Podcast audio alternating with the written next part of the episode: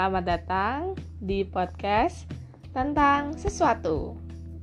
Nah, hari ini di episode yang masih sedikit ini aku punya bintang tamu istimewa. Ada yang bisa nebak nggak kira-kira siapa? Hmm, jawabannya adalah suamiku sendiri. Siapa namanya?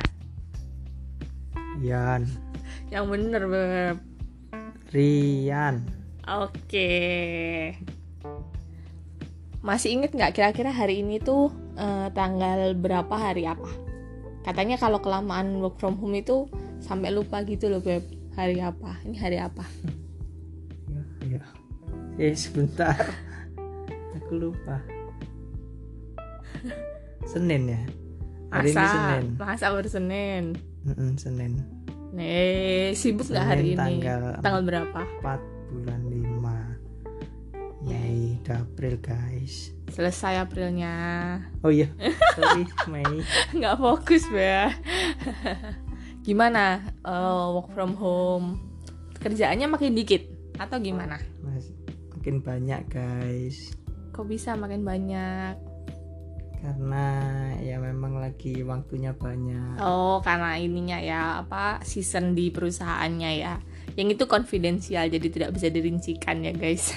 Iya Terus gimana? Kamu mau cerita apa ini random ini rekamannya? Kamu pengen cerita apa? Atau aku mau tanyain dulu Tergantung ini lah hostnya. Bos Oke. Hmm, apa hal yang eh, paling kamu nikmati dari udah nikah? Dan nikah Mm-mm. yang paling dinikmati itu rumahnya jadi nggak sepi Alias berisik. berisik tambah berantakan Uh. terus ini yang paling sakti sebenarnya Apa tuh? bangun-bangun udah ada makanan Oh ternyata gitu ya. Hmm, menurutmu kalau misalnya nih ada anak muda ya yang tanya ke kamu, "Eh, Om gitu, atau kamu dipanggil apa kakek? hmm, Opa. Misalkan cak ada aja cak ya, cak, cak Rian gitu, Eh, datengin kamu terus tanya, aku lagi galau nih pekerjaan sama percintaan gitu. Kira-kira pesan apa yang akan kamu kasih ke mereka? Ini siapa pun ini random banget orangnya. Oh, yang kerjaan dulu. Tentang profesionalitas. Si pemuda itu datang ke kamu, dia galau, bilang, "Aku butuh masukan nih." gitu. Kayaknya pekerjaanku tuh stuck terus. Terus kayaknya aku nggak menikmati. Kayaknya ini bukan passionku atau aku harus resign. Pokoknya kayak konsultasi gitu loh. Nah, kira-kira kamu akan jawab apa? oh bagi yang udah kerja atau yang Udah, udah. belum kerja Udah, udah kerja tapi lagi nggak menikmati kerjaannya. Oh, kalau sudah kerja tapi nggak menikmati berarti tergantung ya. Jadi pikirannya harus dibuka. Ya kamu harus punya opsi-opsi gitu. Contohnya, Contohnya kamu nggak suka sama pekerjaanmu, hmm, tapi gajimu besar. Tapi Oke. satu sisi kamu nggak pu- nggak suka pekerjaanmu, tapi gajimu kecil. ah, tapi ada opsi lain kamu nggak suka pekerjaanmu karena itu bukan passion kamu ada beberapa opsi tuh Oh, maksudnya kayak variabelnya Iya. gaji, kenyamanan, passion gitu ya. Mm-mm. atau Hmm, ya itu atau karena gajinya gede tapi load kerjanya terlalu. terlalu banyak ya itu juga Oke. menekan kamu kan Mm-mm. Jadi ya setiap opsi itu harus ada solusinya jadi kalau yang sesuai passion dan gaji dan yang lain berarti kan Mm-mm. opsinya kamu stay di sana tapi kamu berusaha membuat perubahan Mm-mm. yaitu mungkin kalau yang kerja worknya sangat-sangat tinggi ya mungkin kamu bisa memikirkan gimana kamu membuat sistem kerjaanmu jauh lebih efektif sehingga oh, yang nggak work work hard lah ya. Work work smart. smart jadinya. I see. Gitu. jadi jadi kalau bisa disimpulin itu eh, kita itu harus tahu apa yang menurut kita penting gitu ya. Apakah passion apakah eh, load kerja yang santai apakah apa itu gaji gitu ya Mhm. eh ternyata kalau ternyata bagi kita itu gaji yang penting tapi load kerjanya ternyata tinggi yang kita udah punya sekarang berarti yang harus di manage itu selain ekspektasi adalah memanage cara kerja ya supaya Mhm. pekerjaan itu nggak terlalu stressful Iya, gitu. tapi kalau itu nggak bekerja atau eh itu nggak bekerja eh, masih tidak berfungsi berfungsi dengan Hmm. baik, berarti ya kamu harus eh, coba dirimu atau memberanikan diri sambil apa, apa coba pekerjaan di luar gitu ya. Hmm, Tapi coba pekerjaan di luar juga kamu harus ada opsi juga.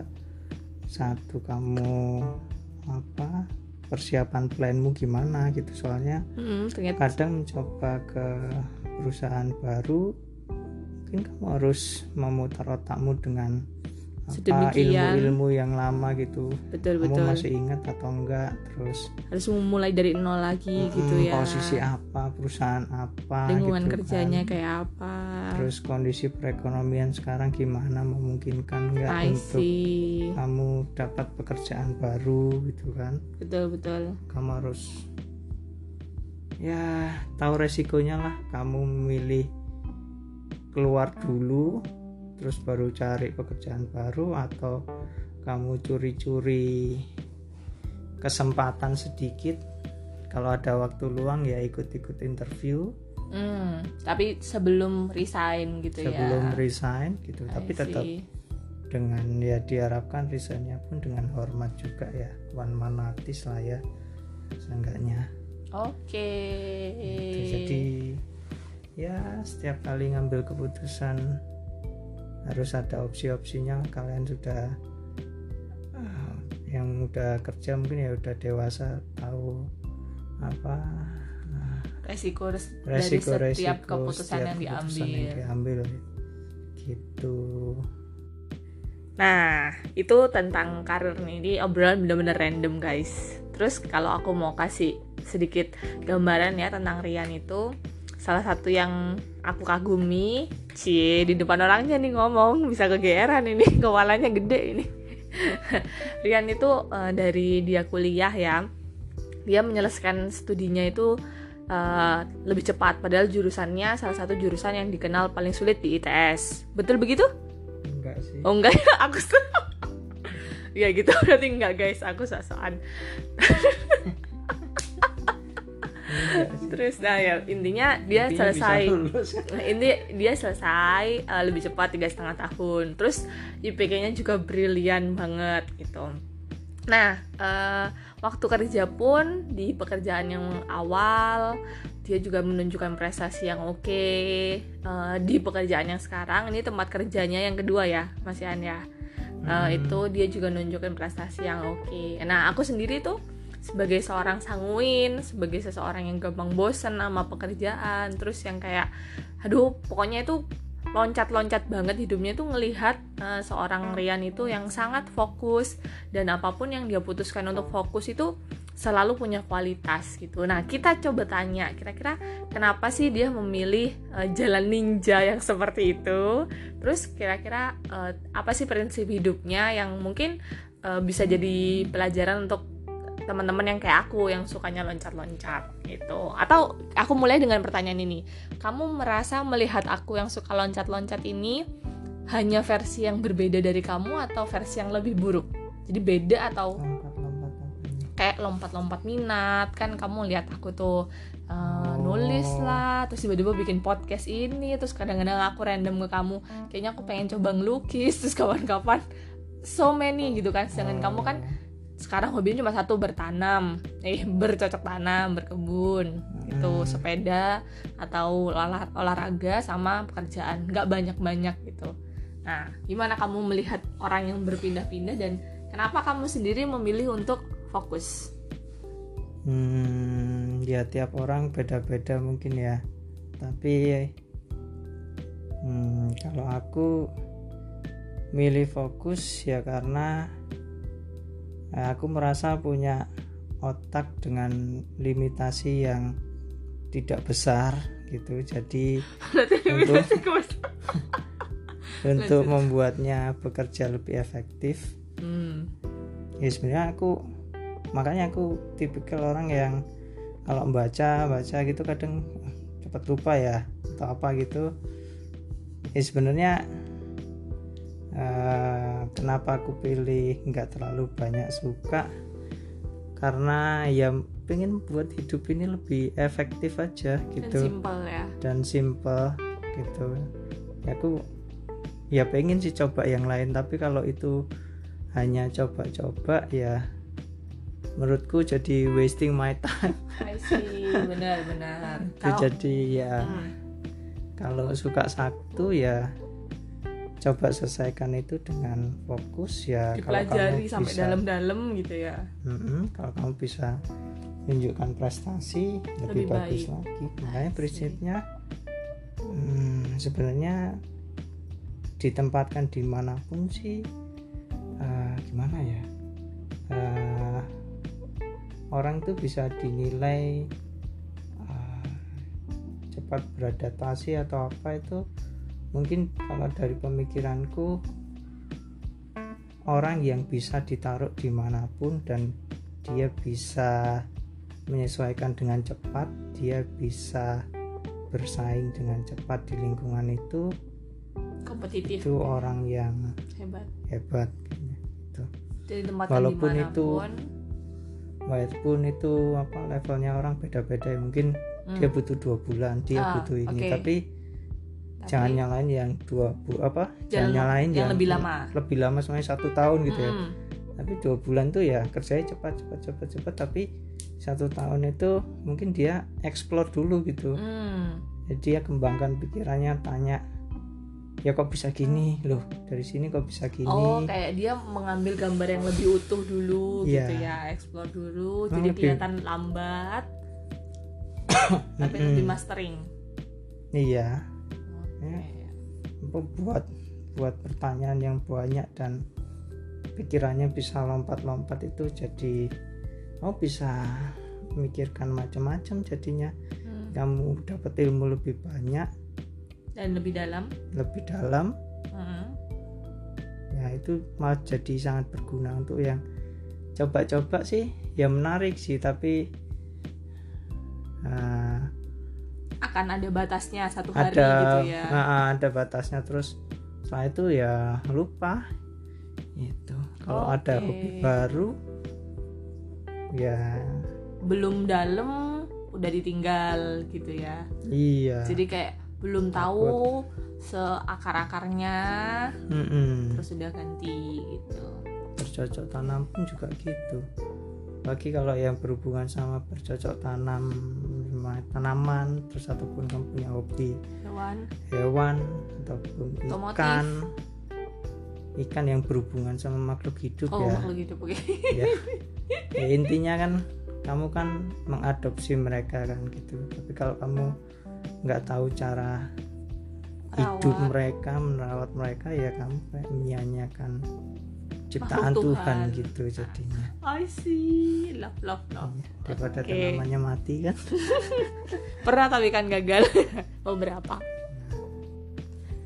Hah, kayak gitu guys. Jadi ya pada akhirnya pilihan sih kita mau ekspor sesuatu, selesain sampai dalam atau eh, loncat-loncat. Dan aku ingat satu kali ada orang yang tanya gitu di DM Instagramku, gimana ya kalau kita tuh pengen kerja tapi kita juga pengen berkarya sebagai volunteer atau pekerja sosial.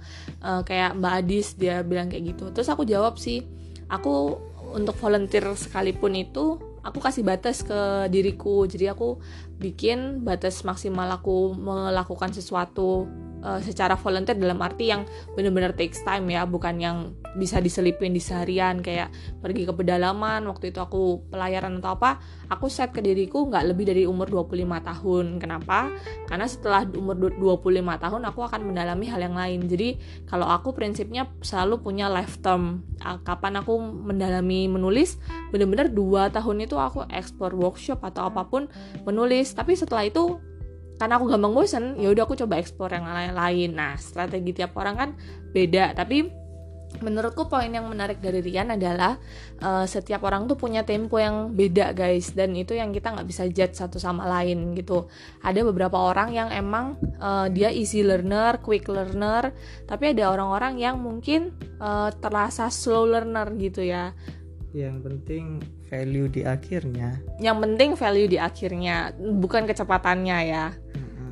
oke okay, nice. Very nice talk. Nah terakhir nih. Uh, setiap kalau aku bandingin kita selain kita, uh, eh, minatnya yang loncat-loncat yang kamu minatnya itu tetap kita juga tergolong beda di urusan uh, impian gitu. Impianku kayak ini nih, nih gitu. Terus selalu nongol yang baru selalu nongol yang baru. Tapi aku yakin Rian pun tuh sebenarnya punya impian. Dan kalau dia lagi punya impian aku tahu persis uh, dia itu bisa sangat spesifik dibandingkan aku yang sekedar gambaran umum gitu. Nah sekarang kita tanya ke Rian apa uh, aduh dia udah menatapku aneh guys di sini.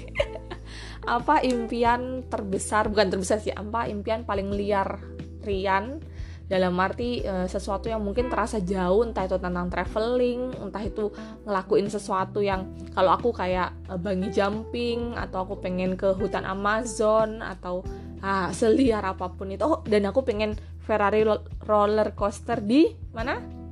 Mana ya? Dubai di Dubai. Nah itu salah satu impian terliarku. Nah kalau Rian apa? Uh, apa ya? Impiannya membahagiakan Pengen... istri uh uh harus mah itu apa apa Beb? impiannya uh, karena aku hobi ngotak ngatik juga mm -hmm. pengen sih punya uh, Bengkel. workshop workshop kerja gitu entah ah. itu workshop kerja dalam dalam kayak bengkel gitu yang metal-metal dengan segala jenis peralatan metal gitu ataupun kayu ya? workshop kayu. Pengen sih punya kayak gitu. Dan juga ada di samping workshopnya itu ada kebun kebun gitu yang kita bisa jadi ini tuh kayak laboratorium hmm, riset gitulah ya tanaman gitu. Nah. sambil bercocok tanam mungkin. Tinggal di pedesaan pedesaan oh. tapi tetap ada hasil istri. oh tak aku kira tetap ada istri hasil ternyata oke okay. gitu. sip sip Gak sip sih tapi bikin apa tapi ya bisa lah dengan segala apa informasi yang ada saat ini ya pengen bikin sesuatu aja tapi yang nggak ada tekanan harus harus ada ini gitu kan hmm. dalam jangka waktu segini yang benar-benar dinikmati hmm. gitu ya setiap prosesnya jadi kalau suruh milih antara metal atau kayu kalau benar-benar harus milih kan kalau perkapalan sebenarnya tahu sih metal hmm. Hmm, kalau metal pernah hmm. tapi kalau kayu kan belum pernah sama sekali. Oh oke. Okay. jadi kayu ya, itu kayak bentuk-bentuk gitu ya? Tapi kayaknya sih alat-alatnya hampir sama sih. Mm. tapi ya ya bisa dicoba dua-duanya sambil berkebun. Sambil kumpulin modal dulu ya bos. Iya. Di promo nanti ya Iya jadi guys sekedar informasi Rian itu pengen banget kami itu punya rumah kecil atau ya kalau bisa besar ya puji Tuhan di Bromo. Salah satunya karena uh, ponakan kami yang lucu-lucu kesayangannya Rian itu ada di di dekat uh, di sekitar Bromo sana. Terus uh, sekitar di kota. Maafkan kami pon-pon nah di situ. Terus yang kedua karena yang ngerasa kalau di Bromo apa ya masih asri dingin gitu. Dan karena kami tetap uh, orang Jawa Timur dibandingkan memilih puncak atau Bandung entahlah lebih suka Bromo. Itu salah satu impian uh, jangka panjang kami lah gitu. Nah untuk terakhir nih aku pengen tanya jawab cepat sama Rian. Kalian pasti setuju kan? Kalau tadi kan jawabannya sifatnya kan elaboratif ya uh, penuh penjelasan. Sekarang kita akan tanya satu dua tiga hal yang nggak satu dua tiga empat. Uh, beberapa hal yang dia harus jawab dengan cepat. Siap beb? Hmm. dia jawabnya sambil merem ini guys sekarang sambil nyandar di guling. Oke. okay. Ketakutan terbesarmu coba tanaman paling disuka Atea Negara yang paling ingin dikunjungi? Norway. Yang paling disukai dari Adis? Lucu. uh, bagian dari rumah ini yang paling uh, paling kamu suka? Taman. Mending menjadi kaya atau sakit? Eh, menjadi miskin atau sakit? Miskin. uh, futsal atau volley? futsal. Motor idaman? Merek atau apa nih merek. Oh. Maksudnya jenis motor? Oh. Uh, Ducati. Oh. Eh, jenis anjing yang pengen diadopsi? Golden Retriever katanya husky oh iya sih husky kan terserah oh iya, iya oke oke. Uh, yang ada di otakku kan? mobil idaman?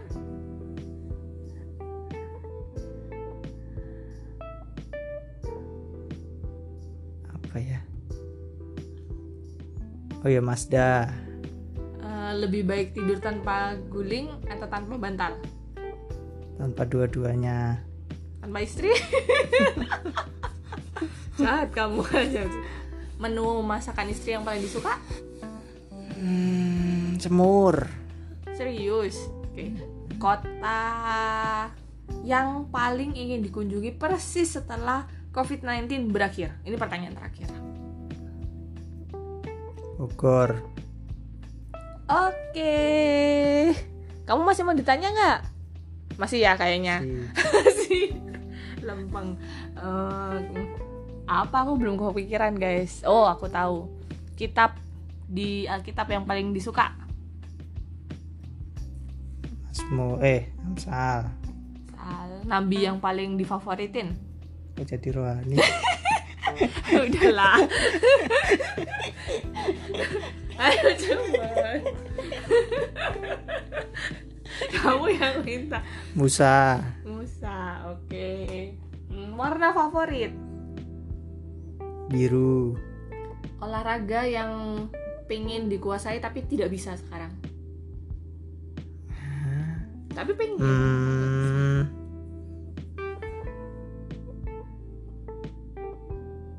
terjun bebas. Oh nice. Uh, daerah di Indonesia yang pengen dikunjungin yang di luar Jawa maksudnya luar pulau. Oh luar pulau. Hmm. tadi kan Bogor kan yang sesaat setelah covid yang luar pulau hmm, ini Bunaken. Oh, oke. Okay. hmm, pengen punya pengen punya udah aku bingung guys oke. Okay. kamu mau tanyain aku nggak? Tanyain cepet ayo biar seru. Apa ya Oke, pertanyaannya udah cukup banyak dari 2 3 4 hal itu jadi kayaknya 10 pertanyaan ada. Sekarang biar seru kita gantian Rian yang tanya cepat dan Adis juga akan jawab dengan cepat. Ini kita belum janjian guys. Jadi apa pun yang muncul di otaknya Rian itu akan aku jawab. Silakan. Hmm, makanan yang kamu suka? Nasi goreng babi cuci piring atau oh, nyapu. Cuci piring of course. Tanaman yang kamu suka? Um, monstera. Olahraga apa yang kamu sukai? Senam. Senam apa? Senam apa pun yang di YouTube lah. Oh. Pokoknya nggak suka yang diem olahraganya suka yang ada musiknya. Oh kegiatan saat covidmu apa? Eh, bikin baju dari bunga-bunga kering itu kegiatan paling random. Hmm, kalau udah selesai covid mau ke mana? Mau ke Jogja please. Please. Jalan apa lagi ya